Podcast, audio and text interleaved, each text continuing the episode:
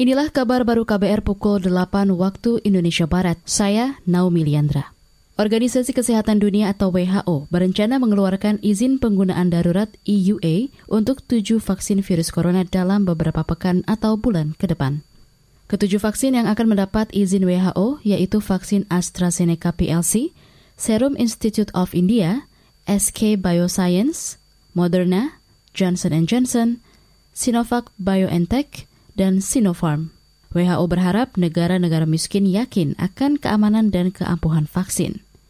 Sedangkan tujuh perusahaan farmasi diharapkan bisa meningkatkan produksi karena kebutuhan vaksin yang cukup besar.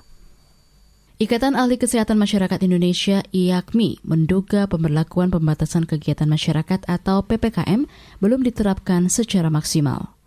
Sebab meski sudah diterapkan hampir dua pekan, kasus COVID-19 masih tinggi dan justru naik. Ketua Satgas Penanganan COVID-19 dari IAKMI Budi Haryanto menyarankan pemerintah melakukan pengawasan ketat.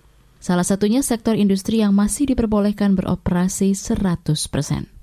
Artinya keberatan dari PPKM itu belum terlihat juga gitu. Sehingga ketika kemudian hasilnya adalah masih tetap tinggi terus, ya sebenarnya pertanyaannya PPKM-nya betul-betul berlaku, dituruti, dilakukan atau diawasi atau tidak kan gitu. Kenyataannya di masyarakat tidak terjadi apa-apa, gitu. tidak merasa ada PPKM kan gitu. Ketua Satgas Penanganan COVID-19 dari IAKMI, Budi Haryanto, juga meminta pemerintah daerah tegas untuk membatasi interaksi antar orang.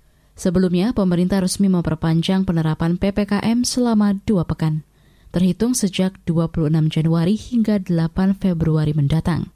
Beberapa aturan dalam PPKM di antaranya proporsi kerja dari rumah 75 persen, sekolah daring dan tempat ibadah maksimal 50 persen.